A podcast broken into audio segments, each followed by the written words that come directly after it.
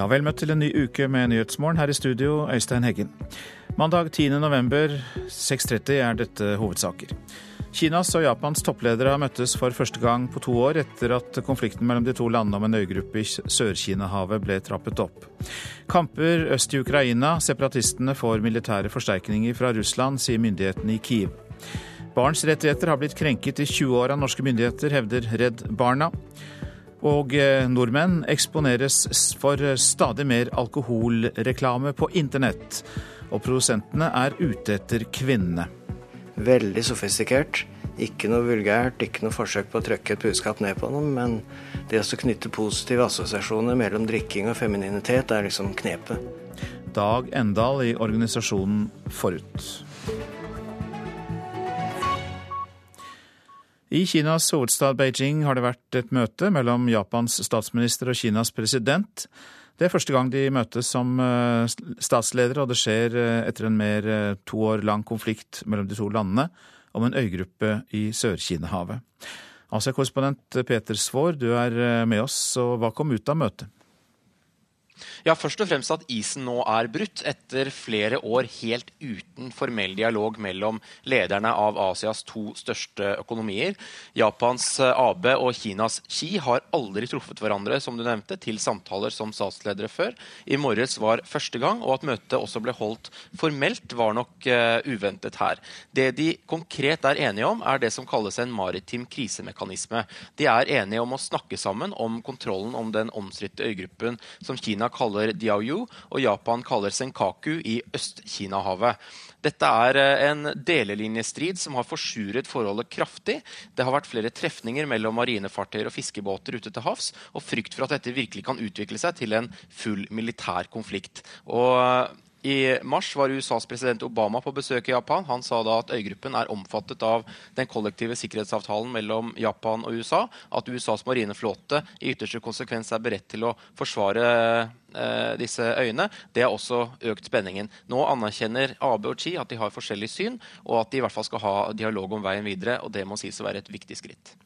Og dette skjer jo da samtidig med det store APEC-toppmøtet i eh, Beijing, altså for land i Asia- og stillehavsregionen, som starter i dag. Og USAs president Barack Obama er også med. Han landet for noen timer siden i Beijing. Første gang på fem år at han besøker Kina. Og hvordan eh, merkes det i byen at eh, det er så mange toppledere der? Først og fremst at luften er mye renere enn den pleier. og Det har sammenheng med de enorme miljøtiltakene kineserne har satt i verk foran dette møtet. Opp mot eh, et tusentall fabrikker er beordret stengt. Halvparten av bilparken i Beijing må stå i garasjen. Kineserne er fast bestemt på å ikke bli ydmyket gjennom at den kraftige smoggen skal ta overskriftene mens eh, dette møtet pågår.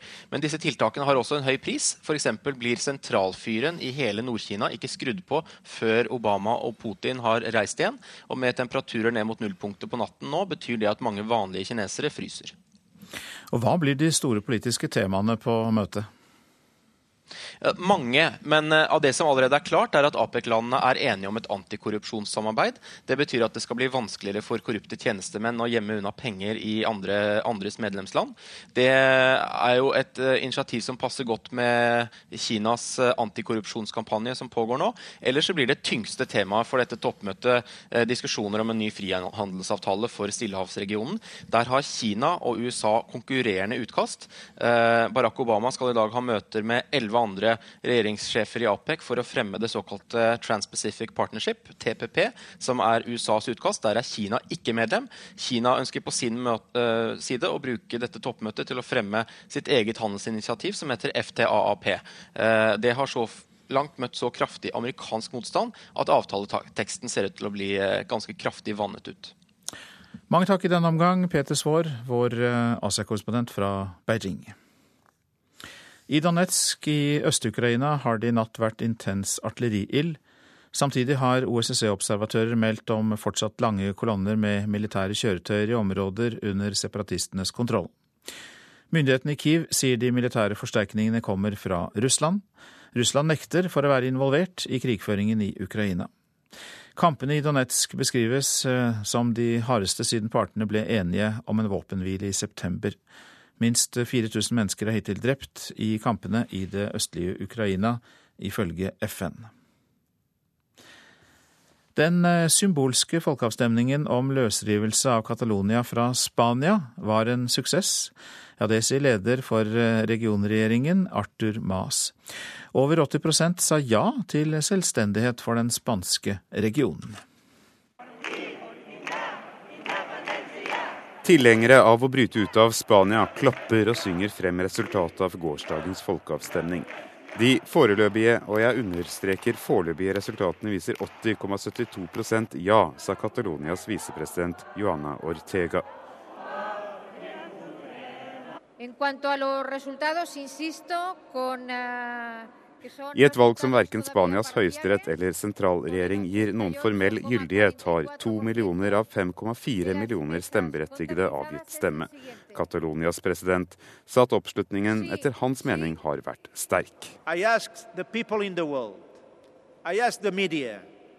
And I also ask the democratic governments in the world to help the Catalan people to decide its political future. Og det var eh, Philip Lote som orienterte oss om denne saken. Norske myndigheter har brutt barns rettigheter i 20 år. Det viser en oversikt fra organisasjonen Redd Barna. I dag legger organisasjonen fram en gjennomgang av all kritikken FNs barnekomité har kommet med mot Norge. I Norge er det en del barn som systematisk diskrimineres. Og det dokumenterer også FNs barnekomité gang på gang på gang. At her har dere fått kritikk hver eneste gang, og enn så lenge så har de ikke gjort noe med det. Janne Rånes i Redd Barna sier at et av områdene FN oftest kritiserer Norge på, er hva vi gjør for å forebygge vold og overgrep mot barn. Hun er fornøyd med at myndighetene har fått på plass barnehus, men at det ikke er godt nok. Det å nå sette fryktelig mye inn på barnehus, det er bra, men det er å starte på et vis i feil ende. Vi må i mye større grad stoppe og hindre at barn noen gang trenger et barnehus, altså forebygge. Så vi klarer ikke å se hvordan verken denne regjeringa eller tidligere regjeringer virkelig har tenkt å forebygge vold mot barn. Barne-, likestilling- og inkluderingsminister Solveig Horne mener på sin side at regjeringen tar grepene som må til. Vi styrker familievernet med over 15 millioner neste år. Det er en historisk satsing. Vi styrker helsestasjonene med over 300 millioner i løpet av to år. Og ikke minst styrker vi kommuneansatte sin kompetanse til å snakke med barn. Asylbarna i Norge er en annen gruppe som konsekvent får sine rettigheter brutt, ifølge Redd Barna. Blant annet får ikke enslige mindreårige mellom 15 og 18 år oppfølging av barnevernet, slik deres jevnaldrende i Norge får. De aller, aller fleste får et godt tilbud når de blir bosatte. Men mens de da sitter der og, og venter, hvorfor kan ikke barnevernet bare ta vare på denne gruppen? Ja, det er, det vi nødt til å komme tilbake til. Noen kommuner har innretta seg slik at de får et barnevernstilbud. Andre kommuner har gjort det på andre måter. Men det er viktig at denne gruppa blir eh, godt ivaretatt ute i kommunen. Og det som er hovedintensjonen her nå, det er å få de bosatt i en kommune, sånn at de kan starte livene sine. Neste rapport som norske myndigheter skal sende til FNs barnekomité i 2016, er det Solveig Horne som har ansvaret for. Og Janne Rånes i Redde Barna har høye forventninger til barne-, likestilling- og inkluderingsministeren. Solveig Horne hun har et ansvar for å virkelig pushe og presse og forvente, og ikke gi seg. Eh, sånn at ikke barns rettigheter blir noe man skyver mellom departementene og ingen tar ansvar for. I Norge har vi alle mulige forutsetninger for å være best i verden i barnerettigheter. Så det Redd Barna forventer, er at vi ikke systematisk diskriminerer noen grupper, sånn som vi ser i dag.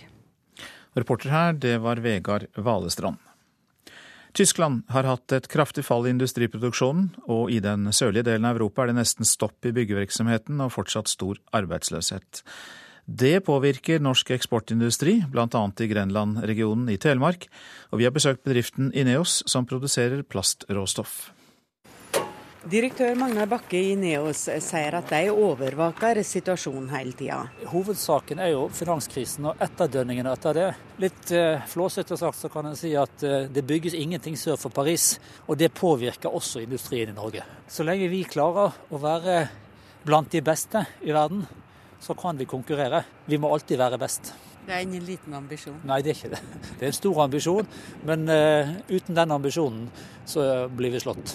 Blant annet pga. kostnadsnivået vårt. Får det bemanningsmessige konsekvenser slik du ser det nå? Nei, det gjør det ikke. RHI på Herøya er en del av et stort konsern som har fabrikker i alle verdensdeler med unntak av Australia. Direktør Thomas Frømmer i RHI på Herøya sier at de neste år har som mål å øke produksjonen med bortimot 20% og tilsette ni nye personer. Direktør Knut Sunde i bransjeorganisasjonen Norsk Industri sier at det eksportbedriftene i Grenland opplever, er nokså typisk. Vi ser eh, noen hyggelige momenter momenter i form av lave strømpriser, lave gasspriser, eh, lave renter og en svak kronekurs. Og alt dette nyter jo eksportindustrien godt av. Men markedene i Europa og utover i verden er ganske sidelengs og ikke spesielt gode. Direktør Knut Sunde i bransjeorganisasjonen Norsk Industri, reporter Anne Langvik. For første gang må en healer møte i retten tiltalt for et alvorlig brudd på lov om alternativ behandling. En svært spesiell sak, ja det sier healerens forsvarer Per Magne Christiansen. Det som er spesielt i denne saken, det er at praksis omkring de straffebestemmelsene som det er snakk om her, de er totalt fraværende. Eh, slik at eh, Når man nå fremmer en sak etter de bestemmelser som det er snakk om her, så er det faktisk første gang det gjøres. Healeren fra Nord-Trøndelag er tiltalt for å behandle kreftsykdom hos ei kvinne i 50-årene som nå er død. Leger anbefalte kvinna å starte cellegiftbehandling, men hun valgte alternativ behandling hos healer. Ifølge loven har ikke andre enn helsepersonell lov til å behandle alvorlige sykdommer, med mindre det skjer i samarbeid med pasientens lege. Det var ikke tilfellet her, men healeren nekter straffskyld. Her er det bare tapere. Det har vært ille for familien og det har vært ille for, for tiltalte. Den konflikten som har, som har, vært, har sikkert også vært ille for avdøde. Det at man nå da får et etterspill i forhold til det, det oppleves selvfølgelig som tungt for, for tiltalte. Det har tatt fire år å få saken til retten, men aktor Bjørn Kristian Soknes tror ikke det har all verden å si for bevisførselen bevisførselen i saken tror jeg ikke vil være noe særlig påvirka av at det har tatt noe lang tid. Både forsvarer Kristiansen og aktor Soknes tror saken vil bli avgjort i en høyere rettsinstans. Jeg tror eh, at dette er en sak som man lett kan tenke seg vil gå opp i systemet, lagmannsrett og eventuelt opp til Høyesterett. For den, er, den, har helt åpenbart en del prinsipielle sider. Reporter Elisabeth Skarru.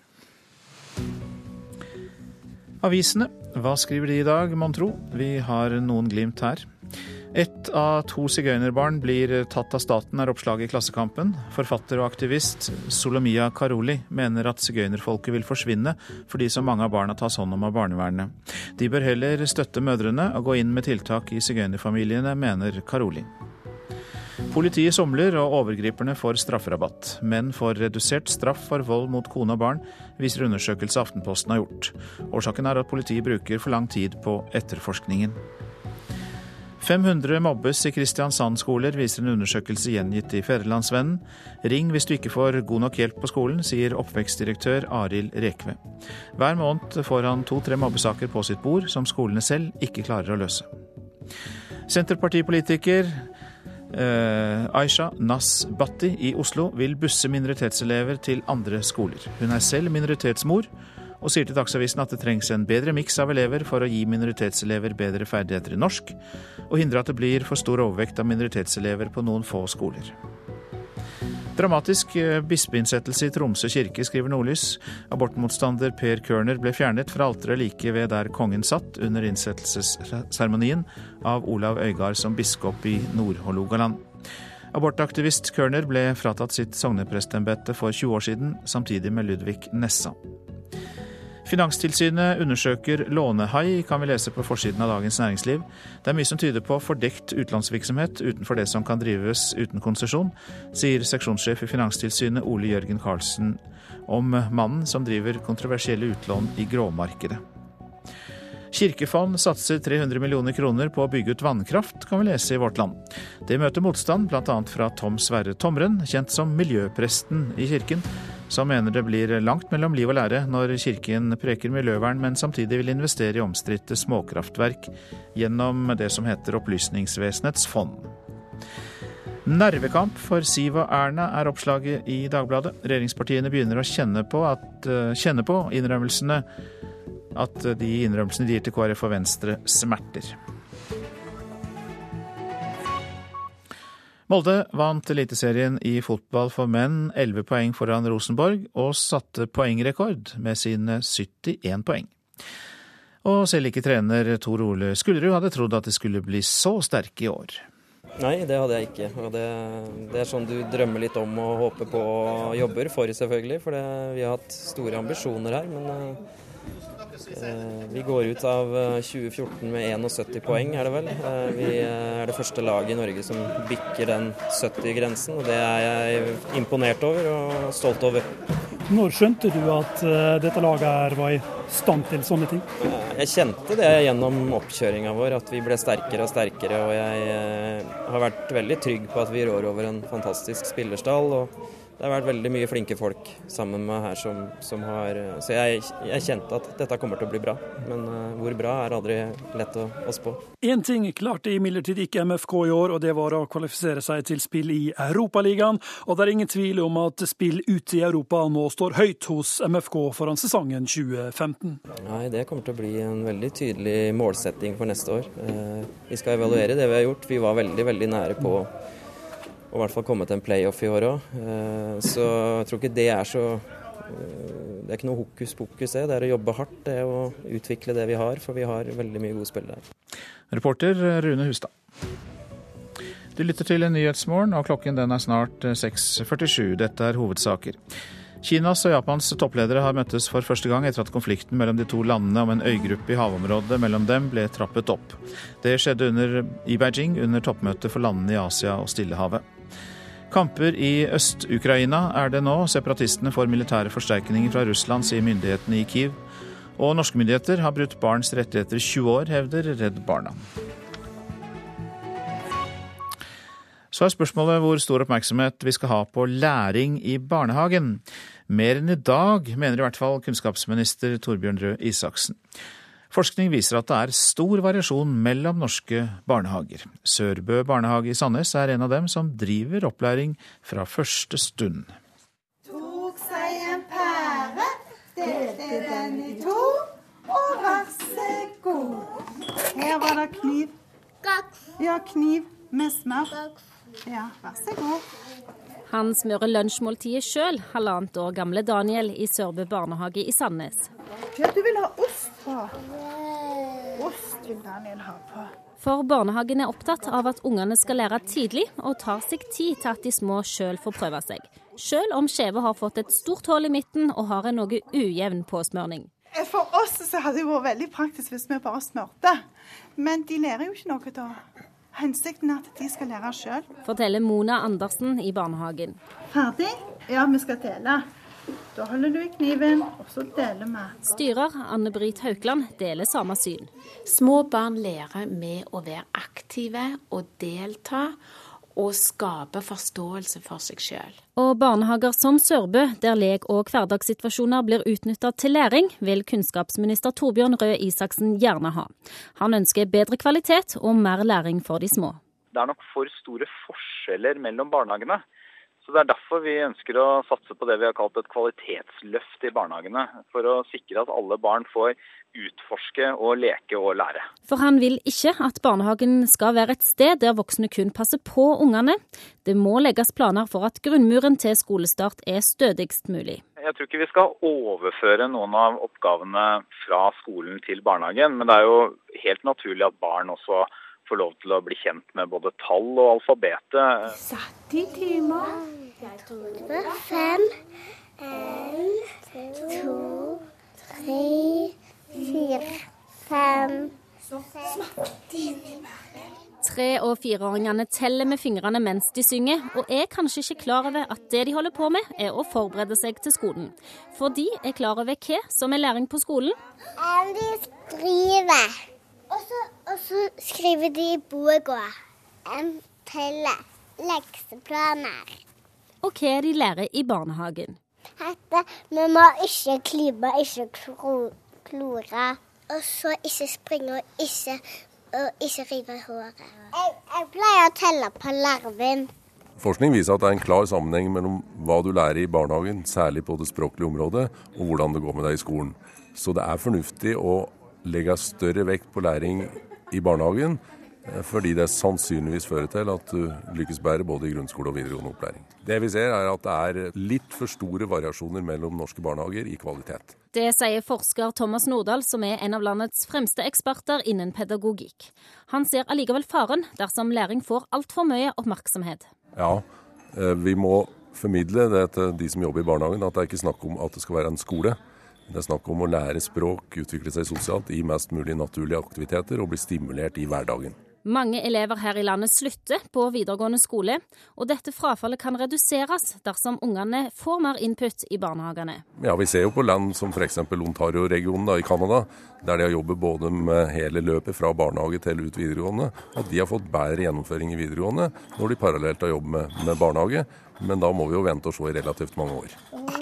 Der kommer det melkekoppen. koppen. Så god.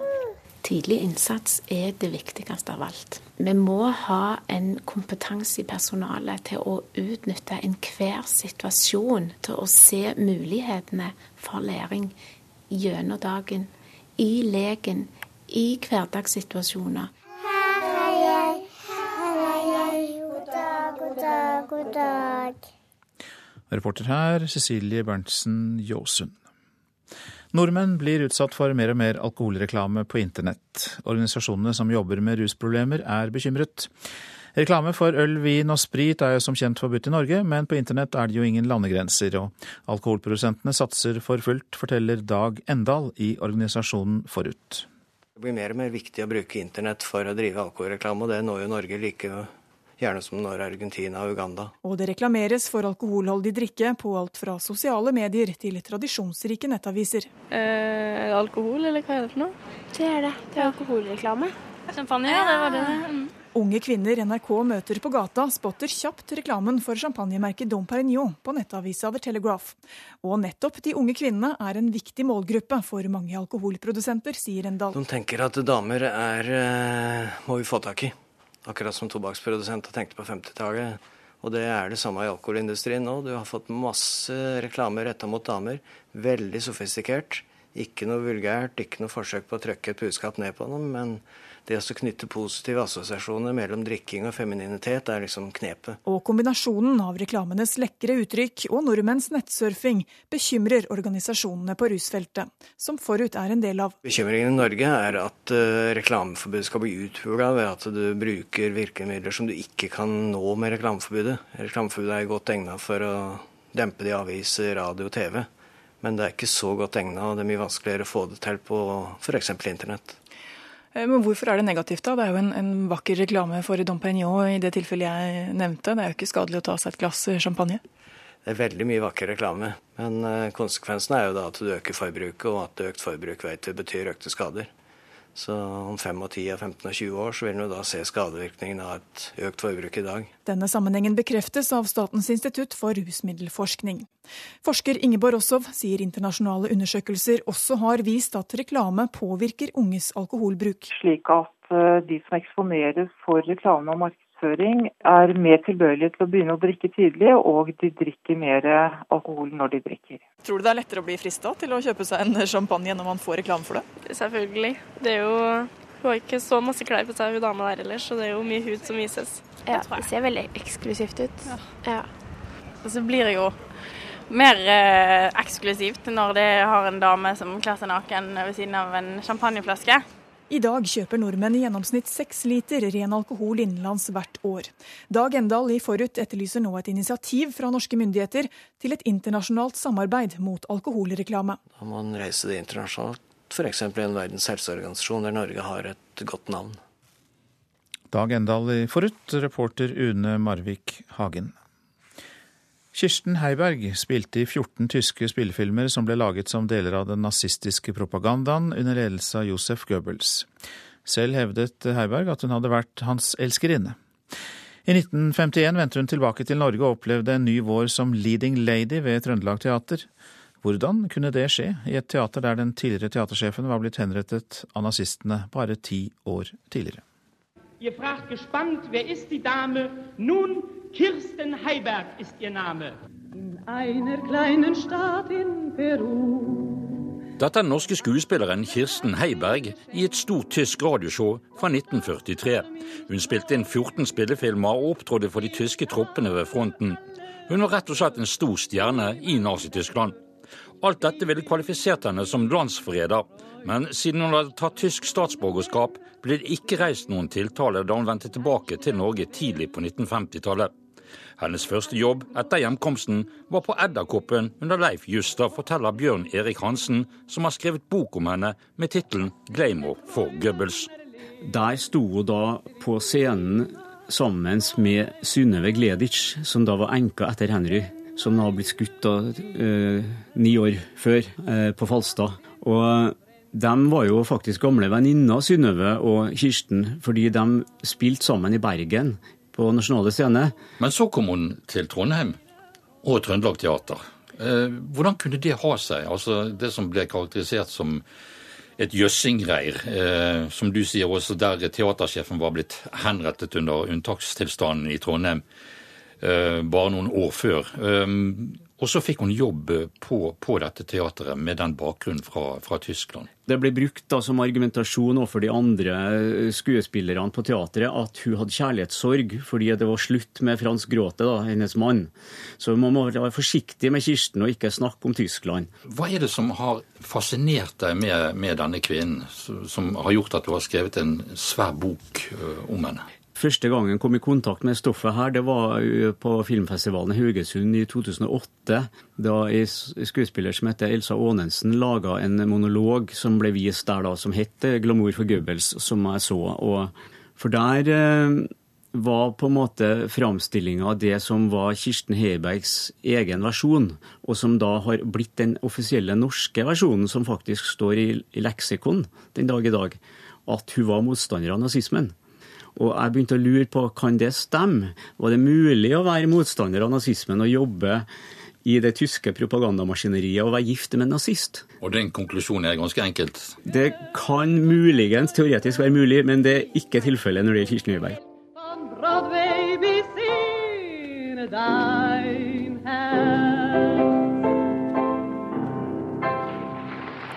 Kirsten Heiberg fra det tyske radioshowet Blinkenfeuer Heimat fra 1943, og forfatter Bjørn Erik Hansen ble intervjuet av Jan Rye Ravnestad. Så værvarselet fram til midnatt. Fjell i Sør-Norge, sørlig liten eh, kuling. Regn, snø over 1000 meter, etter hvert stort sett oppholdsvær. Østlandet og Telemark regn. Etter hvert stort sett oppholdsvær i vestlige områder. Agder også regn, fra i ettermiddag enkelte regnbyger.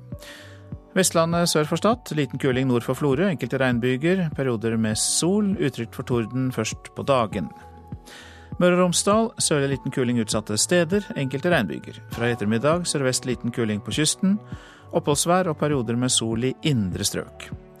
Trøndelag får stort sett oppholdsvær i dag, i kveld sørvest liten kuling på kysten. Helgeland, Saltfjell og Salten liten kuling på kysten, regnbyger, vesentlig i nord.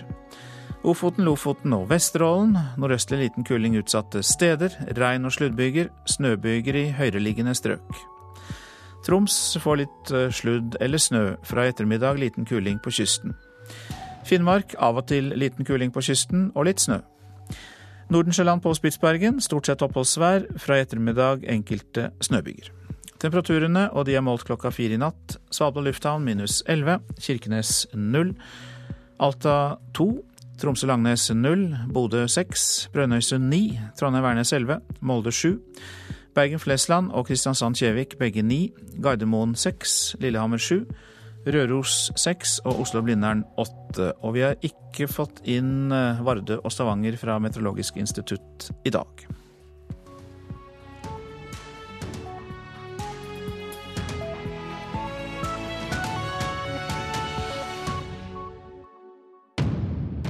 NRK Radioteatret presenterer George Orwells 1984. Hva sier partiet om kontroll av fortiden? Den som kontrollerer fortiden, kontrollerer fremtiden. Den som kontrollerer fortiden, Kontrollerer fremtiden. Den som kontrollerer fortiden, kontrollerer fremtiden. 1984. Et hørespill i tre deler. Premiere søndag klokka 15 i NRK P2. Topplederne for Kina og Japan møttes i natt etter to års isfront mellom landene. Barnetillegget bør gå til låginntektsfamilier, og ikke bare til de som lever av trygd, foreslår forsker. God morgen, her er NRK Dagsnytt klokka sju.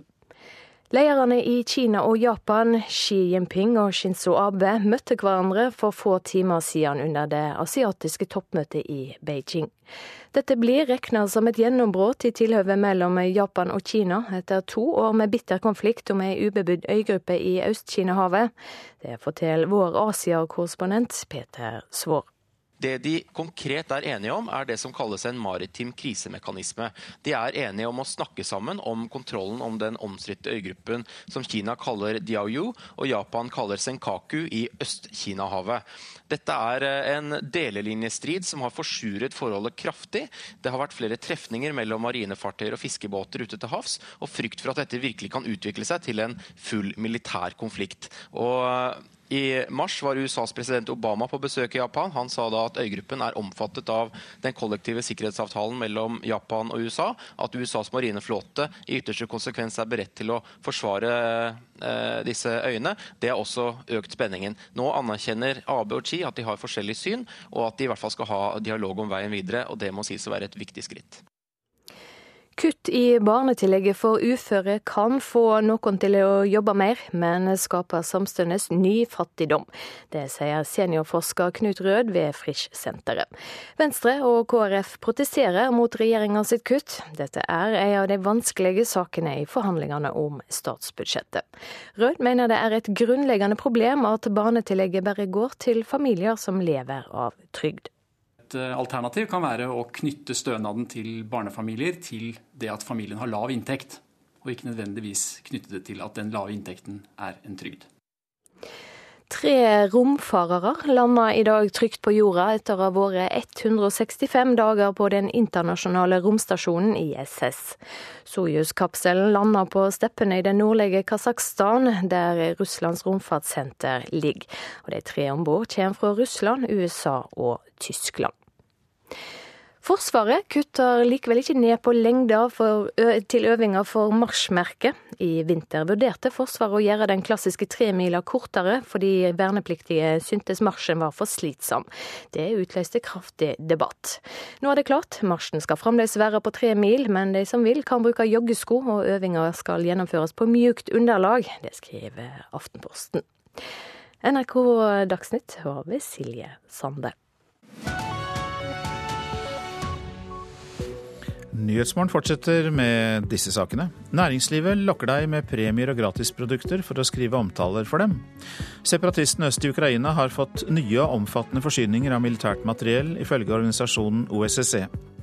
Ungdom sover i snitt to timer for lite hver natt. Det gir utslag på fraværet fra skolen. Og vi får straks høre mer fra forskeren som mener at kutt i barnetillegg for uføre kan skape nye fattige. Ja, frykten for ny fattigdom hørte vi om i Dagsnytt. Det kan bli følgen av kutt i barnetillegget for uføre, sier altså seniorforsker Knut Rød ved Frisch-senteret. Venstre og KrF protesterer mot kuttet, som er en av de vanskeligste sakene i forhandlingene om statsbudsjettet. Rød oppfordrer politikerne til å tenke mer nyansert.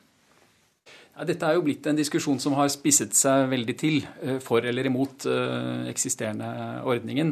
Hadde nok vært gunstig om man etter hvert kunne se på også andre måter å løse det problemet at det faktisk for noen ikke lønner seg å jobbe på. Og at man kanskje kan få den diskusjonen over i et, eh, i et mer konstruktivt spor, så å si. Regjeringen vil erstatte dagens behovsprøvde barnetillegg på inntil 35 000 kroner i året per barn med et standardtillegg på 7000 kroner per år.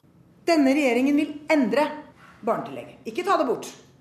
Endre fordi uføre vil tape penger på å gå ut i jobb. Og sånn kan vi ikke ha det. Det vil nok få noen flere ut i jobb. Sier Knut Rød. Fordi det er, det er, et reelt problem at noen faktisk eh, i dag taper en god del penger om de skulle klare å skaffe seg en eh, kanskje litt dårlig betalt jobb ute i, ute i arbeidsmarkedet. Men dessverre så har det nok også som bivirkningen at vi får et større fattigdomsproblem i noen barnefamilier. Det å bare ta fra folk goder vil neppe føre til at, at flere blir sysselsatt. Det sier professor Grete Brochmann, som ledet en utredning om den norske velferdsmodellen, som også foreslo endringer av barnetillegget. Men en ensidig reduksjon er ikke godt nok, sier hun. Men at man samtidig måtte nærme seg dette feltet fra den andre siden, altså gjennom å kvalifisere folk til arbeid, og også veldig viktig, bidra til at arbeidsgivere tilrettelegger for sysselsetting av marginalisert arbeidskraft. Knut Rød, som også satt i det såkalte Brochmann-utvalget, mener det er et grunnleggende problem at bare familier som lever av trygd, kan få barnetillegg. Så et eh, alternativ kan være å knytte stønaden til barnefamilier til det at familien har lav inntekt, og ikke nødvendigvis knytte det til at den lave inntekten er en trygd.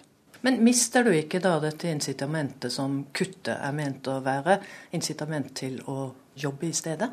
Men altså Det vi i hvert fall kan unngå med en sånn ordning, er, er det at folk direkte taper på å gå over i eh, betalt eh, arbeid, slik som faktisk kan skje i dag. Det er viktig å understreke at dette ikke gjelder noe stor andel av de som mottar uføretrygd i dag. Kanskje bare et par prosent som, som, faktisk er i den situasjonen at man vil tape på å gå over i jobb. Men det er da et problem man kan løse ved å, å utforme en tilskuddsordning til fattige barnefamilier på en annen måte. Reportere her Katrin Hellesnes og Sindre Heierdal. Stadig flere selskaper lokker med dyre premier og gratisprodukter for å få oss til å skrive omtaler av deres varer. Men Forbrukerombudet er skeptisk og kaller praksisen skjult reklame. Uh, skal vi se Skal vi uh... Forbrukerombud Gry Nergård ser på Facebook-sidene til Elkjøp. Kommentarer, da. Sånn. Her lokker Elkjeden med å gi bort gratis pizzaovner. Du kan bli plukket ut, men da må du skrive en omtale av pizzaovnen. Det står vi er ute etter 100% oppriktige omtaler. Og som takk for hjelpen får man beholde produktet. Omtalen blir deretter lagt ut på nettsiden der Elkjøp selger selve produktet. Eh, det er jo skjult reklame, og vi vil jo stole på de her forbrukeromtalene på en bedre måte enn det vi ville gjort om Elkjøp og skrevet det selv. Og Det er vel derfor kanskje Elkjøp eh, gjør det også. De vet at vi vil stole mer på det forbrukerne skriver enn om de skriver det selv. Forbrukerombudet har bedt Elkjøp om tydelig å merke hva som er sponsede produktomtaler, etter at nettstedet Din Side først omtalte saken. Elkjøp har ennå ikke svart ombudet, men kommunikasjonssjef Øystein André Schmidt sier de har endret praksis. Og Vi satte pris på tilbakemeldingene med frekk fra Forbrukerombudet, og vi snudde oss raskt rundt og implementerte de endringene som ombudet poengterte. Det betyr at alle betalte omtaler fra nå av skal merkes med en rød ramme. Likevel, dette er reklame, mener forbrukerombud Gry Nergård. Det er alvorlig, for i den grad Elkjøp har kjøpt en omtale fra en forbruker, så vil det være å regne som reklame fra Elkjøps side. Det er det samme som at Elkjøp har brukt penger på å lage en reklame selv.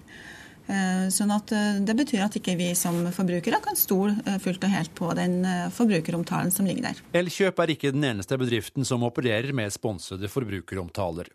Nettstedet komplett.no har gitt bort barbermaskiner i bytte mot omtale, men stanset da de ble klar over kritikken fra Forbrukerombudet. I sommer lokket et forlag med New York-tur til den som skrev den beste bokanmeldelsen. Nå vil Forbrukerombudet undersøke hvor vanlig denne praksisen er. Det vi kommer til å gjøre, er å prøve å kartlegge litt omfanget av det her. Både i hvilken grad kjøper man seg omtaler, premierer omtaler, eller kanskje noen som lager også falske omtaler, eller redigerer ut de, de som ikke er så gode. Det må vi prøve å kartlegge for å få oversikt over det. Og, og vi kommer da også til å gripe tak i de eh, norske aktørene som vi ser gjør det på feil måte. Og de kan vente seg bøter? Eh, ja, Først så får de et brev fra oss hvor vi sier at eh, de eventuelt gjør det på en ulovlig måte. og Hvis de ikke slutter, så kan det bli snakk om økonomiske sanksjoner mot ja. Reportere her Fredrik Lauritzen og Camilla Wernersen. Dag Slettmås, Slettmeås, du er forsker ved Statens institutt for forbruksforskning, er med oss fra studio i Tønsberg, og god morgen til deg. God morgen, ja. Ja, Hvordan bør vi forbrukere stille oss til slik betalt forbrukeromtale? I utgangspunktet så er det jo positivt å, å få innspill fra andre forbrukere. Eh, og det opplyses jo om at man ønsker en veldig ærlig og redelig eh, omtale om disse produktene. Men uh, samtidig så er det jo problematisk at, at disse produktene sponses fra andre uten at man gjøres oppmerksom på det. Vi har jo veldig høy tillit til andres forbrukervurderinger, så dette bør skilles tydelig. Ja, Internett og nye medier det har jo på mange måter gitt eh, økt forbrukermakt. Altså er det et dårlig produkt, så går det jo som ille tørt gress eh, gjennom internett, og så får veldig mange vite det. Er dette en måte for bransjen å slå tilbake på? Ja, de, de har jo hele tiden blitt oppfordret til å, å, knytte en tettere dialog og tettere relasjon til forbrukerne på. Skape tillit til forbrukerne. Eh, og dermed så blir jo disse nye markedsføringsmetodene litt mer grumsete, kanskje. Det blir eh, vanskeligere å skille mellom den rene objektive informasjonen og det som er eh, markedsføring. Syns du det som ble nevnt med merking med rød ramme er et tiltak som kan gjøre oss mer oppmerksom på dette her? Alle typer tiltak som eh, gjør at eh, forbrukerne hever garden sin litt i forhold til å være kritiske til det som eh, omtales, er positivt. Men det virker ikke som du er veldig bekymret for at næringslivet benytter seg av denne muligheten for å få kunder til å skrive omtale? Det ligger så enormt mye makt ute i, i markedet fra forbrukerens side, sånn at alt all type ny markedsføring som viser seg å ha dårlige hensikter, det vil bli avslørt. Og som du sier, så, så sprer dette seg som mild i tørt gress. Eh, og det vil slå tilbake med voldsom kraft. Eh, men det er klart det krever jo økt kompetanse fra forbrukeren, dette her, i forhold til det å navigere i, i et veldig komplekst eh, markedsføringslandskap. Så det er klart det er krevende, men, eh, men, jeg tror også gjennomsiktigheten i dette markedsføringsmarkedet, hvis vi kan kalle det det, er mye klarere enn tidligere. Trenger vi noe mer lovverk for å fange opp denne type reklame, og til dels ulovlig reklame? Lovverket er vel tydelig nok, men det er ikke tydelig nok spesifisert i forhold til disse mange nye medieformatene og sjangrene som glir over i hverandre. Sånn at det blir krevende for tilsyn å, å følge opp eh, nye markedsføringsmetoder som viser seg å være eh, litt uklare. Så dette, dette, er nok krevende med den uh, markedsføringsloven man har, selv om den er tydelig spesifiserer at man skal merke det som er reklame. Til slutt, eh, tror du at eh, dette er slutten på innovasjon eh, når det gjelder reklame på internett? Kommer vi til å se ting som vi overhodet ikke kan tenke oss i dag? Ja, absolutt. Dette er nok bare begynnelsen. Det har bare skjedd veldig fort, sånn at det blir veldig tydelig. Men vi er nok bare i startgropa når det gjelder nye markedsføringsformer. Her ligger det allerede ting på teststadiet som er ute og prøves i markedet, så dette er bare begynnelsen. Takk skal du ha, Dag eh, Slettmås, som er forsker ved Statens institutt for eh, forbruksforskning. Over eh, halvparten av oss opplever jevnlig stress på jobben. Både kolleger og endringer på jobben og sjefer kan gjøre oss stressa, og mange føler at de ikke helt klarer å komme gjennom dagens oppgaver før arbeidsdagen er over. Den europeiske undersøkelsen fra EUs arbeidsmiljøorgan EU-OSHA viser at 53% av de spurte jevnlig blir stresset på jobb. Og ofte skjer det pga. ting den enkelte opplever er utenfor sin kontroll. På listen over hva som gjør den enkelte mest stresset, kommer omorganiseringer og usikkerhet for å beholde jobben. Og de eldste føler mest på det. Halvparten av de spurte føler ikke at de greier arbeidsoppgavene og blir stresset av det mens like mange blir stresset av manglende støtte eller tilbakemelding på arbeidet fra ledelse og kolleger. Mange oppgir også trakassering og mobbing som stressfaktorer på jobben. Og det var Hedvig Bjørgum som orienterte oss der. Og god morgen til deg, Ingrid Finnbo Svendsen. Takk for det. Du er administrerende direktør i Arbeidstilsynet, og dette er altså en undersøkelse fra det europeiske arbeidsmiljøorganet som heter Safety and Health at Work. Og hvordan er stressnivået i det norske arbeidsmarkedet sammenlignet med andre europeiske land?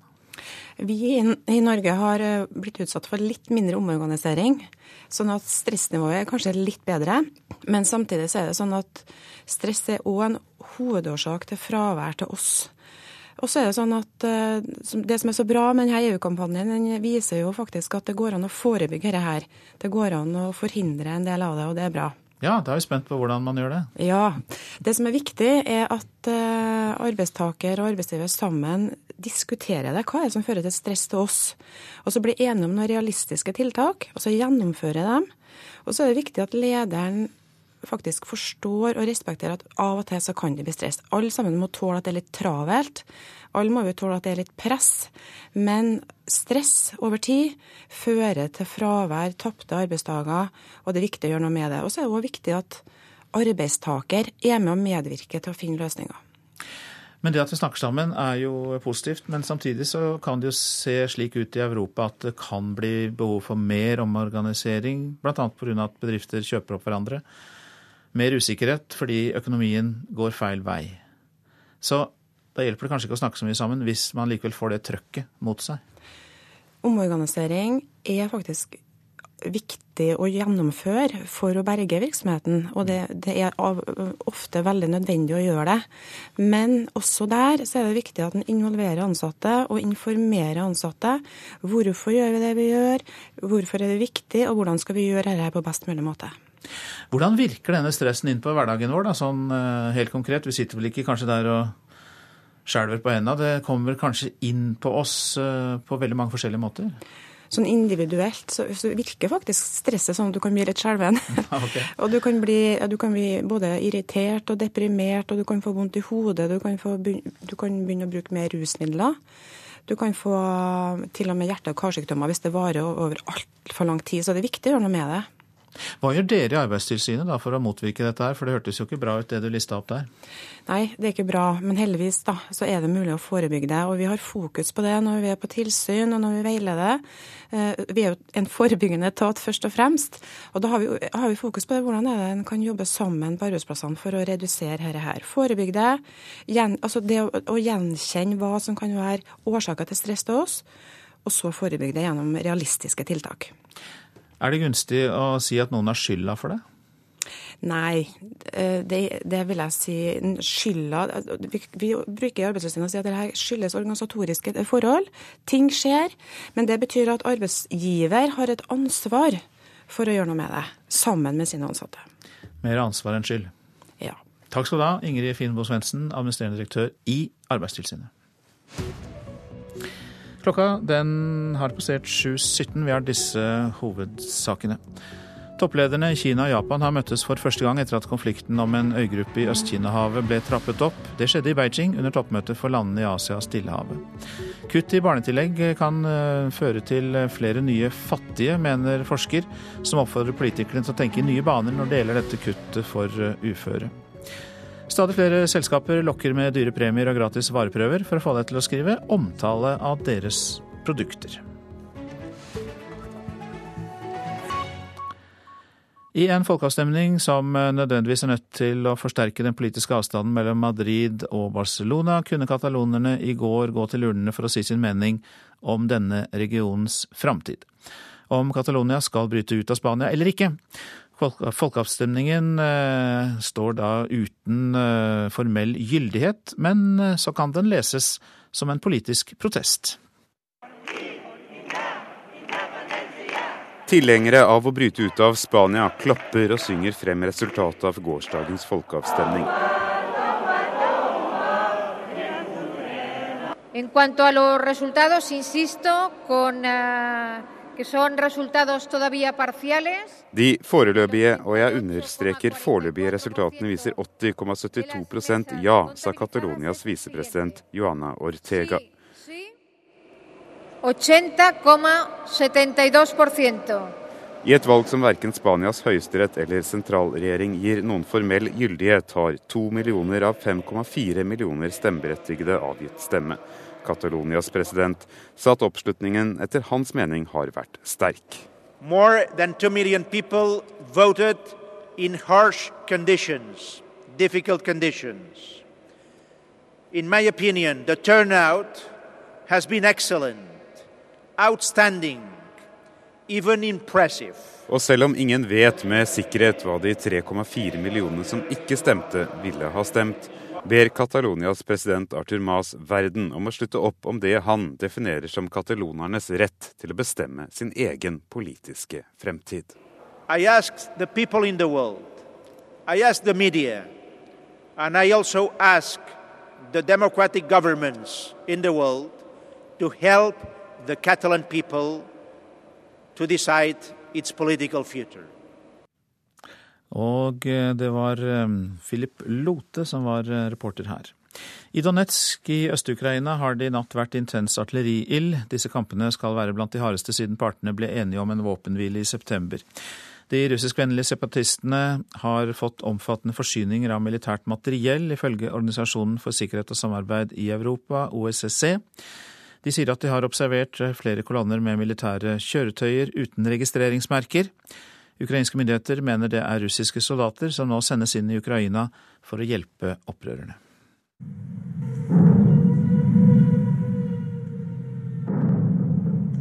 Tunge drønn kunne høres, og tjukk røyk fylte himmelen nordøst i den ukrainske byen Danetsk i går. Byens innbyggere er vant til dette, men det de hørte og så i går, var verre enn på lenge. Страшно, конечно, страшно. Все Selvfølgelig er det skremmende, sa Jelena til nyhetsbyrået Reuters, mens bildene viser at livet tilsynelatende går sin vante gang i det meste av det som en gang var en by med mer enn én million innbyggere. Og mye tyder på at vi nå går mot en opptrapping av den militære konflikten i Ukraina, mer enn to måneder etter at partene ble enige om en våpenhvile. I går bekreftet Organisasjonen for sikkerhet og samarbeid i Europa, OSSE, som er den eneste internasjonale organisasjonen som er til stede i konfliktområdet, og som nyter en viss tillit fra begge sider, at den hadde observert flere kolonner med militære kjøretøyer og våpen på vei fra grensen mot Russland vestover mot frontlinjen. De moderne militære lastebilene hadde ikke registreringsnummer, noe som gjør at mistanken går mot at de er russiske.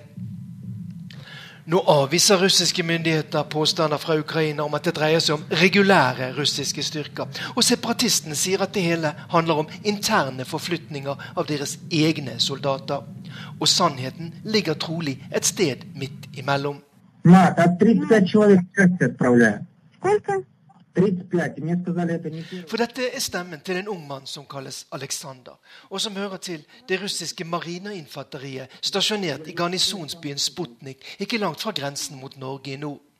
Han forteller at han sammen med en gruppe medsoldater i august ble sendt til Rastov, en by som ligger tett opp til grensen mot Ukraina. I opptaket forteller Aleksander at han ikke godtok en kontrakt på 38 000 rubler i måneden for å krige inne i Ukraina.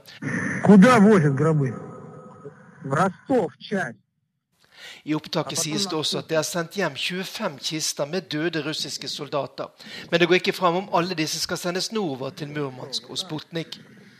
Det er selvfølgelig umulig å verifisere dette intervjuet, som altså er lagt ut på YouTube, og som må være tatt opp av enten ukrainsk etterretningstjeneste eller andre som har muligheter til å gjøre denne type opptak av mobiltelefoner.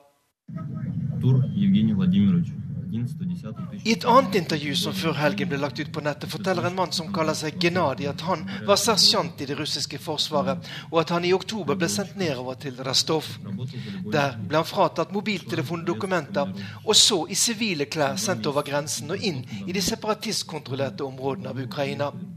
Men der ble han tatt til fange av ukrainske regjeringsstyrker og forteller sin historie på en kafé i et veikryss i Slavjansk nord i Danetsk fylke. Heller ikke Gnadis historie er det mulig å få bekreftet, men han og mange andres fortellinger gir likevel et slags inntrykk av hvordan den russiske militære hjelpen til separatistene øst i Ukraina foregår. Igjen, det er all grunn til å være kritisk til all informasjon og desinformasjon som spres på internett fra konfliktområdet i Ukraina. Men én ting kan man lese ut av meldingene som er kommet i løpet av helgen. Lite tyder på at vi går mot en snarlig løsning, og at dødstallet, som nå nærmer seg 4000, kan komme til å stige ytterligere. Morten Jentoft, Moskva. Så til uh, avisene. Ett av to sigøynerbarn blir tatt av staten, er oppslaget i Klassekampen. Forfatter og aktivist Solomia Karoli mener sigøynerfolket vil forsvinne fordi så mange av barna tas hånd om av barnevernet. De bør heller støtte mødrene og gå inn med tiltak i sigøynerfamiliene, mener Karoli. Politiet somler og overgriperne får strafferabatt. Menn får redusert straff for vold mot kone og barn, viser undersøkelse Aftenposten har gjort. Årsaken er at politiet bruker for lang tid på etterforskningen. 500 mobbes i Kristiansand-skolen, viser en undersøkelse gjengitt i Fedrelandsvennen.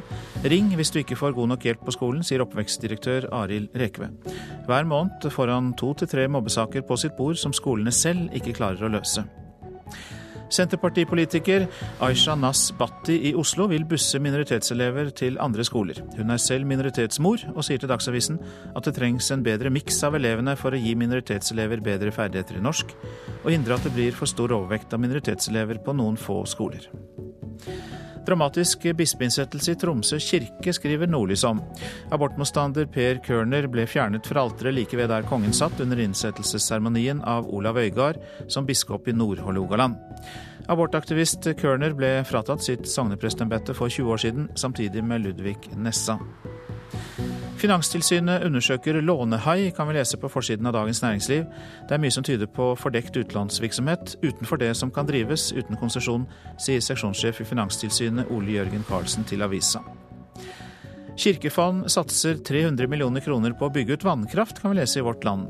Det møter motstand bl.a. fra Tom Sverre Tomren, kjent som miljøpresten i kirken, og han mener det er langt mellom liv og lære når kirken preker miljøvern, men samtidig vil investere i omstridte småkraftverk gjennom Opplysningsvesenets fond.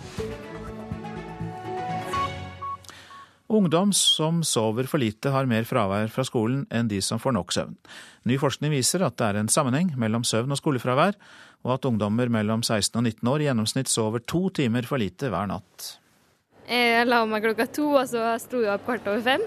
Hvordan føler du deg i dag, da? Helt vanlig. Jeg er vant med det. Mina Olsen går på Sentrum videregående skole i Kongsvinger. Hun sover ikke bort tida. Jeg har masse å gjøre, masse å gjøre så kommer jeg hjem fra skolen så sent. Så skal jeg være litt med venner, være litt på PC-en, gjøre lekser, øve til prøver, innleveringer. Masse å gjøre. En ny undersøkelse fra Regionalt kunnskapssenter for barn og unge, Uni Research Helse og Nasjonalt folkehelseinstitutt viser en sammenheng mellom søvn og skolefravær. Undersøkelsen er gjort blant mer enn 8000 unge i aldersgruppen 16 til 19 år. Så fant vi at kort søvntid og søvnvansker hang sammen med høyt fravær hos ungdommen. Det sier psykospesialist og forsker Mari Hysing ved Regionalt kunnskapssenter for barn og unge. Ideelt sett bør ungdom i videregående alder ha åtte til ni timers søvn. Men tidligere studier viser at i gjennomsnitt sover de to timer mindre enn det.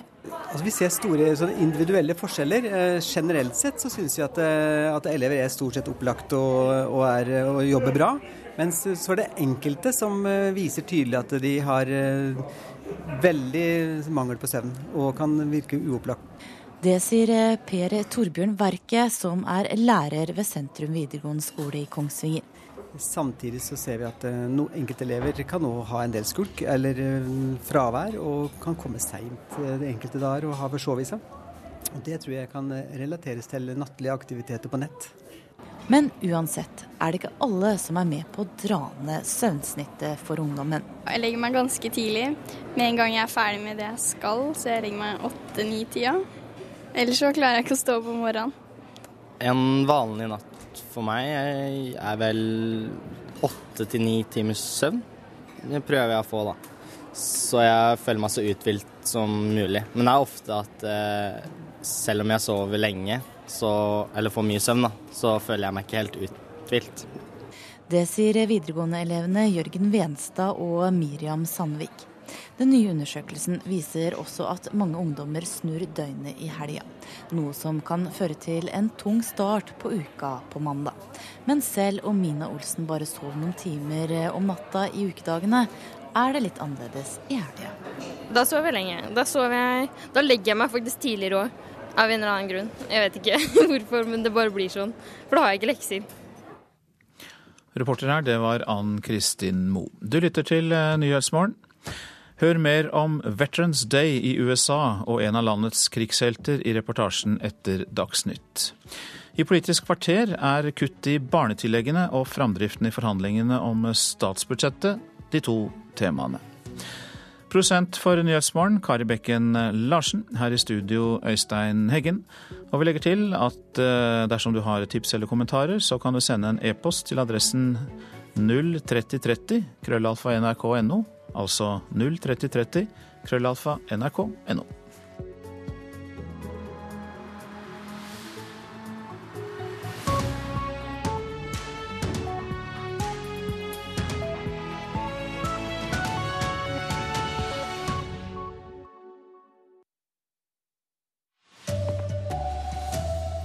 Catalonia sier ja til selvstende, men den uoffisielle avrøstinga irriterer den spanske regjeringa. Rosende kundeomtale av et produkt på nettet er ikke alltid det det ser ut som. Og gjester som ikke klarer å legge fra seg mobiltelefonen, kan irritere både vertskap og andre inviterte. God morgen, her er NRK Dagsnytt klokka 7.30. I Spania har den symbolske folkerøstinga om løsriving av Catalonia fra Spania gitt et klart flertall til ja-sida. Det har forsterka den politiske konflikten med sentralmakta i Madrid. Tilhengere av å bryte ut av Spania klapper og synger frem resultatet av gårsdagens folkeavstemning. En cuanto a los resultados, insisto, con, uh. De foreløpige, og jeg understreker foreløpige resultatene viser 80,72 ja, sa Catalonias visepresident Joana Ortega.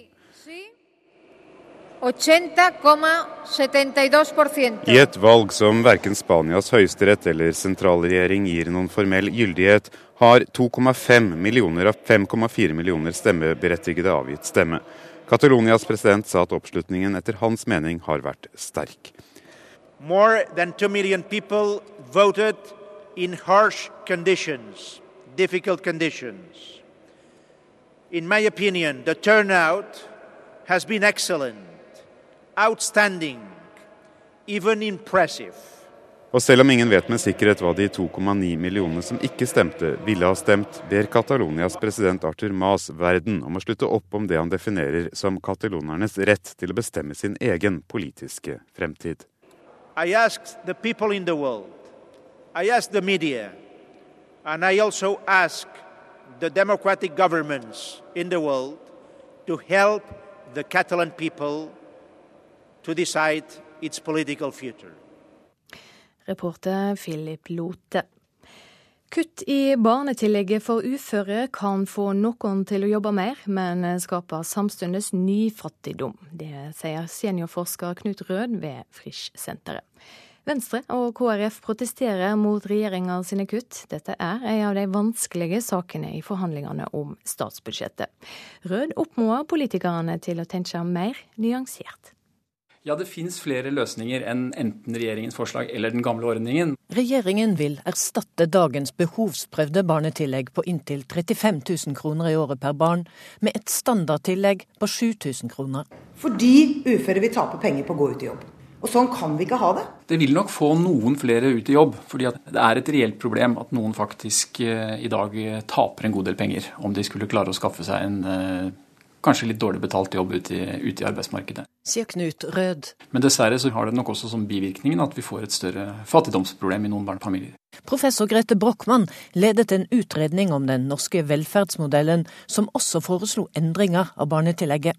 Men kutt alene er ikke nok, understreker hun. Men at man samtidig måtte nærme seg dette feltet fra den andre siden, altså gjennom å kvalifisere folk til arbeid, og også veldig viktig, bidra til at arbeidsgivere tilrettelegger for sysselsetting av marginalisert arbeidskraft. Knut Rød mener det er et grunnleggende problem at bare familier som lever av trygd, kan få barnetillegg. Så et eh, alternativ kan være å knytte stønaden til barnefamilier til det at familien har lav inntekt, og ikke nødvendigvis knytte det til at den lave inntekten er en trygd. Reportasjen var laga av Katrin Hellesnes og Sindre Heierdal. Forbrukerombudet advarer mot en ny type skjult reklame, der folk får tilbud om gratisprodukt i bytte for omtale av varer. Elkjøp er mellom virksomhetene som lokker med å gi bort t.d. en pizzaovn, i bytte mot at folk skriver en kundeomtale av ovnen på nettet. Ja, det syns jeg er ufint. Det vil jeg nesten kalle juks. Sier en av kundene NRK møter i en Elkjøp-butikk. På nettet lokker Elkjeden med gratisprodukter. Det står Vi er ute etter 100% oppriktige omtaler. Og som takk for hjelpen får man beholde produktet. Omtalen blir lagt ut under selve produktet på Elkjøps nettside. Ja, Det som det her er et eksempel på, er at det er skjult reklame. Sier forbrukerombud Gry Nergård. Hun har bedt Elkjøp om å rydde opp og tydelig merke hvilke produktomtaler som er betalt. Elkjøp har ennå ikke svart ombudet, men kommunikasjonssjef Øystein André Schmidt sier praksisen er endret. Så ble vi klar over at Forbrukerombudet ville at vi skulle justere eh, denne måten å gjøre ting på eh, lite grann og heiv oss fort rundt. og Det er allerede implementert, og de endringene ligger allerede nå ute på, på nettsida. Så fra nå av merker Elkjøp de betalte omtalene med en rød ramme. Like fullt, dette er reklame, ifølge Forbrukerombudet. Det er det samme som at Elkjøp har brukt penger på å lage en reklame selv. Eh, sånn at eh, Det betyr at ikke vi som forbrukere kan stole eh, fullt og helt på den forbrukeromtalen som ligger der. Men Elkjøp er ikke alene. Nettbutikken Komplett har også prøvd seg på sponsede forbrukeromtaler. Og tidligere i år lovet et forlag bort en New York-tur til den personen som skrev den beste bokanmeldelsen. Forbrukerombudet vil nå undersøke hvor vanlig denne praksisen er. Denne Elkjøp-saken var den første som vi har, har hørt om at direkte premierte folk for å skrive omtaler. Det er jo såpass alvorlig, syns vi, at vi kommer til å prøve å kartlegge litt noe omfanget av det. Og kommer til å ha det her også som et satsingsområde neste år. Og De fleste av oss har høy tillit til andre kunder sine produktomtaler. Derfor bør det være en klar merking av hva omtaler som er sponsa. Det sier Dag Slettemås, som er forsker ved Statens institutt for forbruksforsking. I utgangspunktet så er det jo positivt å, å få innspill fra andre forbrukere. Eh, og det opplyses jo om at man ønsker en veldig ærlig og redelig eh, omtale om disse produktene. Men eh, samtidig så er det jo problematisk at, at disse produktene sponses fra andre uten at man gjøres oppmerksom på det. Eh, vi har jo veldig høy tillit til andres eh, forbrukervurderinger. Eh, så dette bør skilles eh, tydelig. Reportasjen var laga av Vegard Valestrand, Camilla Wernersen og Fredrik Lauritzen. Norske styresmakter har brutt barn sine retter i 20 år. Det viser en oversikt fra Redd Barna. Organisasjonen har gått igjennom all kritikken fra FNs barnekomité mot Norge de siste 20 åra. Ifølge Redd Barna er det rettene til barn på norske asylmottak som oftest blir brutt. Gjester som ikke klarer å legge fra seg mobiltelefonen, kan irritere både vertskap og andre inviterte. Noen gjør noe med det. Kine og Kristoffer Grytnes fra Tønsberg har sett fram ei korg i gangen, der gjestene deres må legge fra seg mobilen. Nei, er det? det er alltid sånn når folk samles, da, så er det jo liksom folk som Det er lenge siden man har sett og alt sånt. Da, da er det kjedelig at liksom folk skal sitte med mobilen og trykke på den istedenfor å prate med de som er ved siden av seg. Eller ta bilder og sende til alle andre som ikke er der. Så da fant vi ut at da setter vi mobilforbud fram til desserten. De fleste ville ikke nølt med å låne bort bilen sin. Noen låner også bort både hus og hytte. Men å låne bort mobilen er det nok ikke mange som ville tenkt to ganger på. Den er blitt som en forlengelse av oss selv, en duppeditt vi bare må ha med oss. Overalt. I lomma eller i veska. Også når vi er i selskap. Og Kristoffer har hørt om flere som etter hvert har innført et slags eh, mobilforbud. Kollegaer på jobben de gjør jo det på vorspiel. Førstemann som tar opp mobilen, den må spandere taxi til byen eller første runde på byen. Så da blir telefonen liggende, da. Reporter Marianne Åkermann. Så skal vi ha sport. I går klarte Brann å sikre seg kvalifiseringsplass i Eliteserien. Nå venter kvalifiseringskamp mot Bærum eller Mjøndalen for vestlandslaget og tilhengerne deres. Det er det herligste jeg har vært med på på lang tid! Heia Brann og Bergen! Men nå står det noen jæklig harde dager! Yeah! Vi røkker ikke ned, for vi er Brann! At seieren og kvalifiseringsplassen betyr mye for Brann-supporterne, er det ingen tvil om. Men mens fansen var i ekstase etter kampen, var branntrener Rikard Norling mer nøktern. Det er OK, det er ok, men eh, det er også viktig å påpeke at det, det er um, egentlig ingenting uh, prestert ennå. Vi er fortsatt med ene benet på ene siden og andre på den andre. Så at, uh, vi må være oerhørt uh, noga med det vi gjør her framover. Ja, herlig. Vi er Brann! Vi er Brann! Vi er Brann! Vi er Brann! Vi er Brann! Reporter her, det var eh, Gisle Jørgensen. Ansvarlig for eh, Dagsnytt denne morgenen, Arild Svalbjørg. Teknisk ansvarlig, Frode Thorshaug. Her i studio, Silje Sande.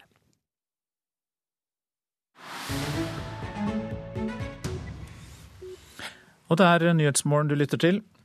Helgen er ennå ikke slutt for mange i USA, for tirsdag er Veterans Day. Den dagen nordamerikanerne takker alle som har avlagt militærtjeneste og vært villige til å gå i krigen for eh, fedrelandet. Før helgen hyllet president Barack Obama en veteran som falt i slaget ved Gettysburg for 151 år siden, og ble tildelt USAs høyeste militære utmerkelse. Yeah, is the opportunity to spend time with all of you and your families. USAs president er ikke bare statssjef i verdens mektigste land. Han er også øverstkommanderende for verdens mektigste militærmakt, og som sådan ansvarlig for både soldaters og offiserers ve og vel, samt for deres familier. Ikke minst når disse blir pårørende til en som har gitt sitt liv for fedrelandet. Yeah, this uh, medal is about more than just one soldier or one family. It reflects our obligations as a country to the men and women in our armed services. Denne gangen dreier det seg om løytnant Alonso Cushing, som ledet en artilleritropp i borgerkrigen og utviste stort personlig heltemot ved Gettysburg den 3. juli 1863. For this American family, this story isn't some piece of obscure history. It is an integral part of who they are. And today our whole nation shares their pride and celebrates what this story says about who we are. 10 000 sørstatssoldater angrep.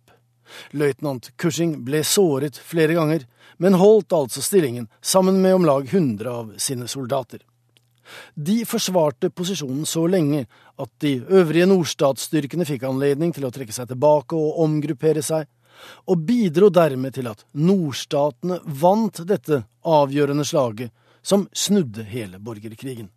Uh, obligations that continue long after they return home, after they've removed their uniforms, and even, perhaps especially, after they've laid down their lives. USA har hatt millioner av soldater, og har til enhver tid millioner av veterans, hvorav ikke alle har vært verken i combat eller overseas. Men siden frigjøringskrigen, som begynte i 1776, via borgerkrigen og tvers gjennom første og annen verdenskrig, Korea og Vietnam, inkludert alle mulige felttog og invasjoner, inngripener og aksjoner, har mer enn 1,3 millioner amerikanere mistet livet i krig. I've met young men who willingly chose to move toward grenades to save their friends. I've met heroes who ran into enemy fire and carry their comrades to safety. Cushing var offiser fra New York, hadde gått på militærakademi West Point, var fryktløs og iskald i slag, men lojal mot fedrelandet, og han utviste tapperhet, som det heter i begrunnelsen, som det har tatt 25 år å få klargjort. Ifølge regelverket så skal en slik medalje tildeles i løpet av to år og overrekkes i løpet av tre. And so this medal is a reminder that no matter how long it takes, it is never too late to do the right thing. Nærmere 3500 amerikanske menn og én enslig kvinne er blitt denne hedersbevisningen til del siden den ble innstiftet i 1861. I forbindelse med veterandagmarkeringen overrakte president Barack Obama æresmedaljen i Det hvite hus til en fjern slektning av den altså for lengst avdøde løytnant Alonso Cushing, ca. 150 år på overtid. Reportasjen var laget av Joar Hoel Larsen. Dette er Nyhetsmorgen, og dette er hovedsaker. I Spania har den symbolske folkeavstemningen om løsrivelse av Catalonia fra Spania gitt et klart flertall for ja-siden. Det har forsterket den politiske konflikten med sentralmakten i Madrid. Kutt i barnetillegget for uføre kan få noen til å jobbe mer, men skaper samtidig ny fattigdom. Det sier seniorforsker Knut Rød ved Frisch-senteret. Forbrukerombudet advarer mot en ny type skjult reklame, der folk får tilbud om gratisprodukter i bytte for å omtale varene. Og Norske myndigheter har brutt barns rettigheter i 20 år. Det viser en oversikt fra Redd Barna. Organisasjonen har gått gjennom all kritikken fra FNs barnekomité mot Norge i perioden. Nå Politisk kvarter. Programleder der er Cecilie Roang Polstad.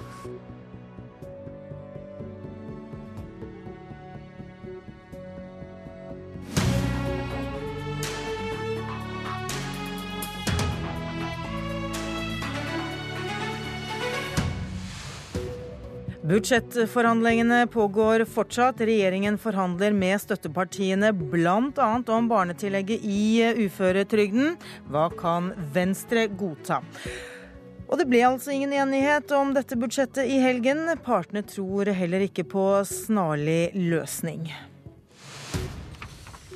Ja, riktig god morgen. Velkommen til Politisk kvarter. Sveinung Rotevatn sitter her i studio. Regjeringens kutt i barnetillegget er ikke noe som har eh, falt Venstre godt for brystet.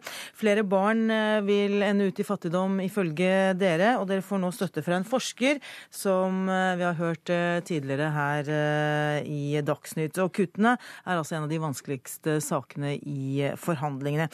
Hvorfor er det så viktig for dere i Venstre å fjerne fjerne dette kuttet i barnetillegget? Det er viktig for oss fordi vi i Norge har 78 eh, 000 fattige barn. Det har det blitt flere av. Eh, og vi frykter at med forslaget fra regjeringa så vil det bli enda flere fattige barn. Og det er jo også eh, det samme forskeren sier i innslaget tidligere i dag, at ja, med den endringa i barnetillegget som regjeringa foreslår, så kan en se for seg at noen flere går ut i jobb, men en vet at det vil føre til at mange flere også går ut i fattigdom.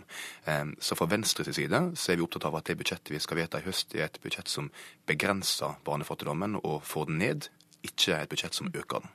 Hvordan kan dere være så sikre på at dette vil øke barnefattigdommen? Vi vet at de gruppene det her er snakk om, altså varig uføre med barn, er blant de fattigste i samfunnet. De har svært lite fra før. Eh, og med det kuttet som regjeringa foreslår, så vil de få et kutt i inntekta si på flere titusenvis av kroner i året. Eh, det er svært alvorlig. Eh, så tror ikke jeg at regjeringa har noen onde hensikter med dette her. Og Venstre er jo for at vi skal holde på arbeidslinja, at det skal lønne seg å jobbe.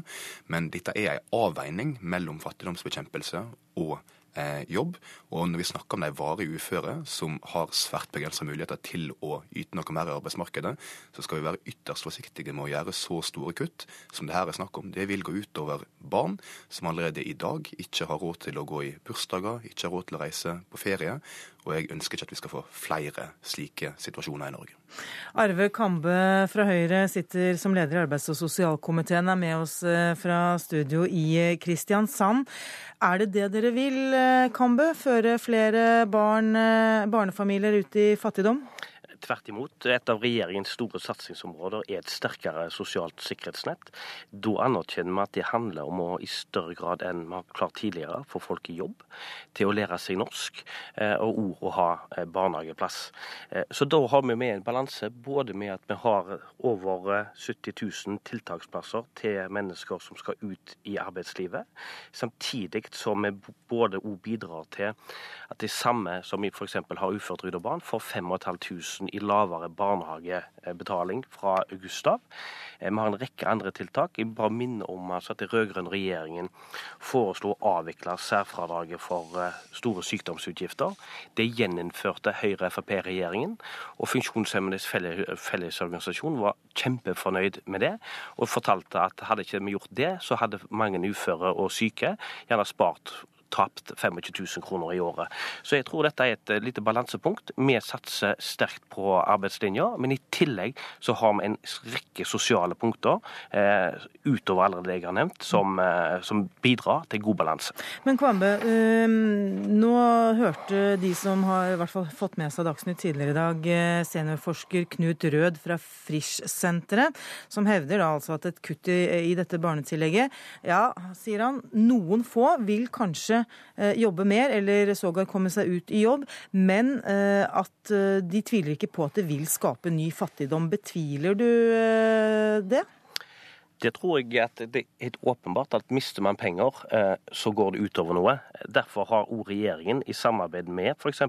KrF og Venstre sagt at vi holder på å jobbe med en kjempelsesplan bekjempelsesplan for, eh, mot fattigdom i barnefamilier. Men burde ikke den være på plass før man kutter barnetillegget? Ja, men i tillegg til det altså, så har vi altså gratis kjernetid i barnehagen, som er store forsøk i Oslo. Vi satser på helsestasjon og skolehelsetjeneste. Vi sikrer altså 5500 lavere foreldrebetaling i barnehagen barnehagen for de med lav inntekt. Og vi øker grunnstipendet til de som trenger det i skolen med 1000 kroner per måned. Eh, og I tillegg altså, så tar vi en rekke tiltak for å få funksjonshemma i arbeidslivet. Vi styrker bilordningen, funksjonsassistanseordningen. Vi har fjernet 26-årsgrenser for aktivitetshjelpemidler. Og vi har en stor satsing på rus og psykiatri. Både for å få folk til å bli friskere, for vi vet at barn blir fattige fordi foreldrene blir fattige. Så for denne regjeringen så er det viktig å hjelpe foreldrene, for dermed å hjelpe barn. Ja, Rotevatn, Barnetillegget har jo i flere år blitt trukket frem som en årsak til at familier forblir i fattigdom og ikke kommer seg ut i jobb. Eh, tror du ikke dette vil hjelpe på? Nei, jeg er redd det ikke vil det. Eh, og jeg syns egentlig statsministeren sjøl argumenterte ganske godt for hvorfor dette ikke er spesielt viktig i Dagens Næringsliv på lørdag. Eh, fordi av de 18 790 i Norge som mottar et behovsprøvd barnetillegg, det er ganske mange familier, eh, så er det ifølge regjeringa sjøl eh, bare rundt 3% som i teorien kunne tapt på å gå ut i et lavtlønnsyrke. Rundt 600 stykker. Ok, Si at dette kuttet regjeringa nå foreslår medfører at kanskje i underkant av 100 av de begynner å jobbe. Ja, det ville vært et ganske godt resultat. Er det da verdt prisen at 18 790 andre får kutta stønaden sin med ganske mange 10 000 kroner i året. Det syns ikke Venstre. Eh, og vi ser det at ja, enkelte, noen få, vil kanskje kunne komme ut i jobb med dette kuttet. Men når prisen er at vi etter all sannsynlighet får en øke i barnefattigdommen, så er det en pris vi ikke er villige til å betale. Og Dette er en tøff diskusjon, selvfølgelig er det det. Vi står her mellom to kryssende hensyn. Men jeg syns vi skal lytte til forskerne som uttaler seg, og så syns jeg at vi skal satse på det vi vet fungerer. Ikke sant? Vi bør gå mye lenger i det å ha gratis kjernetid i barnehage, billig SFO, det å styrke psykisk helsearbeid, og ikke minst det Venstre har foreslått i vårt budsjett, nemlig å i større grad differensiere barnetrygda, slik at de som har lav inntekt, kan få høyere barnetrygd. Kvambe, må, du må få svare på det, og jeg har lyst til å stille deg det spørsmålet, jeg også. Betyr ikke det Altså, det at det er såpass få som sannsynligvis vil komme seg ut i arbeid når dere fjerner dette tillegget, er det da god politikk å fjerne det for så mange andre mennesker som kanskje innebærer at de ender ut i fattigdom? For det regjeringen gjør, er jo en rekke andre tiltak i tillegg. sånn at hvis man, hvis Skal man sammenligne, så må man ta med verdien av at du får 5500 i lavere foreldrebetaling. Du får 1000 kroner i måneden eh, i økt stipend for, eh, for, i skoletiden, eh, og en rekke tiltak eh, ellers. For oss så handler det om Dere hadde også et intervju med Brochmann, som leder Brochmann-utvalget. Og en av de klare anbefalingene fra Brochmann-utvalget det er å gå vekk fra kontantytelser til tjenester for å redusere både trygdemisbruk og trygdeeksport til andre land i regi av innvandrere. Og da er nettopp det at man f.eks. gjør barnehage billigere, mot at vi eh, Men får du, får du foreldrene ut i jobb ved å gjøre barnehagene billigere? Ja, rett og slett for mange, særlig av de nye landsmennene våre, så har de gjerne ikke ungene i barnehage. Eh, og da er det klart at har du ikke barnehage, så blir det òg vanskelig å få den norskopplæringen du skal ha. Har du ikke den norskopplæringen du skal ha, så blir det problemer for barnehage. Men har du store trygder som passer på deg i sum, eh, så gir det ikke stimulans til å komme seg ut i arbeidslivet og lære seg norsk. Og det føler jeg at regjeringen med dette bidraget har, både at vi styrker arbeidslinjen, samtidig som vi styrker det sosiale sikkerhetsnettet. Vil... Og så vil jeg gjerne ha en dialog med Venstre og Kristelig Folkeparti framover, hvordan vi kan gjøre dette enda bedre. Men har dere vurdert eh, forslaget fra Venstre om, eh, om eh, behovsprøvd barnetillegg og barnetrygd istedenfor?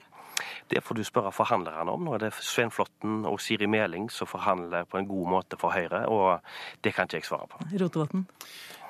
Det Kambe lister opp som gode tiltak, eh, er stort sett det. Og Venstre er for at det skal bli billigere barnehager. Det er også et av kravene i forhandlingene. Men eh, det hjelper deg ikke så veldig mye å få et par tusen mindre i barnehagebetaling året når stønaden din blir kutta med fem, fem, ja, men når stønaden din er ut fra uføretrygd blir kutta med rundt 25 000, mm. så er det at da blir det en tøffere hverdag for de familiene det gjelder. Og jeg har forsøkt å stille representanter for regjeringa i Stortinget følgende spørsmål flere ganger. Tror du at vi vil få færre fattige barn i Norge med dette budsjettet når vi møtes her om ett år? Og Det vil de ikke svare på. Og Jeg tror det er en grunn til det. fordi at den pakken som her blir presentert, er ikke god nok. Kutta er for alvorlige. De aktive tiltakene er ikke sterke nok slik at om vi skal få et budsjettenighet i høst, så må det bli en mye bedre sosial profil. Kambe, budsjettenighet må bli bedre sosial profil. Tror du det blir færre eh, fattige barn i Norge av forslaget deres? Jeg tror kombinasjonen av regjeringens forslag til statsbudsjett, de eventuelle endringene med, hvis vi får et forlik, men samtidig den samarbeidsavtalen Høyre-Frp-regjeringen har med Kristelig Folkeparti, den kommer til både for flere folk inn i arbeidslivet, få flere til å lære seg norsk så de kan delta i arbeidslivet, og dermed også redusere fattigdom i barnefamilier. Ja, Da sier vi eh, takk til eh, Arve Kambe og Sveinung Rotevatn. Eh, forhandlingene i statsbudsjettet pågår, som vi vet, for fullt. Mer om det straks.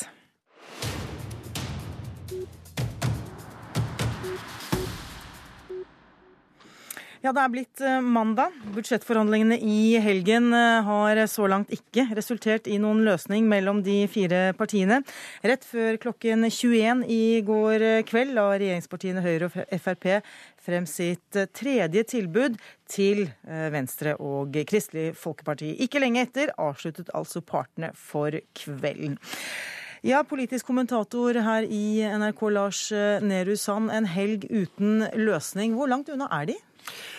Det er fortsatt et uh, godt stykke arbeid som gjenstår. Det er ingen detaljer som er landet helt uh, ordentlig. Og man utelukker heller ikke muligheten for at man vil kalle inn partilederne og de parlamentariske lederne for å ta diskusjonen videre i løpet av denne uken. Men det er altså ingenting som til nå har to streker under seg av, av svar. Og, og, den berømte formuleringen om at ingenting er klart før alt er klart, kommer vi til å få høre også denne uken her. Nå har vi akkurat hørt hørt eh, Rotevatn og Kambe snakke om eh, barnetillegget, som jo er eh, et av kanskje de vanskelige punktene i dette budsjettet. Ehm, tror du regjeringen kommer til å gi noe der? Regjeringen har i hvert fall både på barnetillegget og formuesskatten, som jo er den andre virkelig vanskelige saken, levert eh, noen ulike forslag til hvordan man kan se for seg en løsning på de to sakene. Eh, men det er ikke der at man har eh, tre-fire konkrete modeller og så skal stemme for hvilken av de man, man ser mest for seg. Så sånn som jeg forstår det, så er det lagt frem noen konsepter fra regjeringen, men ikke så helhetlige at man er klare til å å, ja, stemme over en god løsning for, for de eh, to sakene. Og Det betyr at det fortsatt gjenstår veldig mye debatt også på de to tingene. Det virker jo som om eh, man tar ganske kort det er ikke noe sjumilssteg man tar her. Er vi nå vitne til, om man kan bruke et slikt ord, utmattelseskrig mellom disse partene? Ja, i aller høyeste grad. Og det har nok preget helgen, uansett hvilke av eh, partene og partiene du spør. Eh, det er eh, ganske stor avstand i hvordan de beskriver disse skissene som blir lagt frem. Det har kommet to nye i går. Og den, det tredje utkastet fra regjeringen som nå forhandles om, det er å bli grunnlaget for møtene i dag.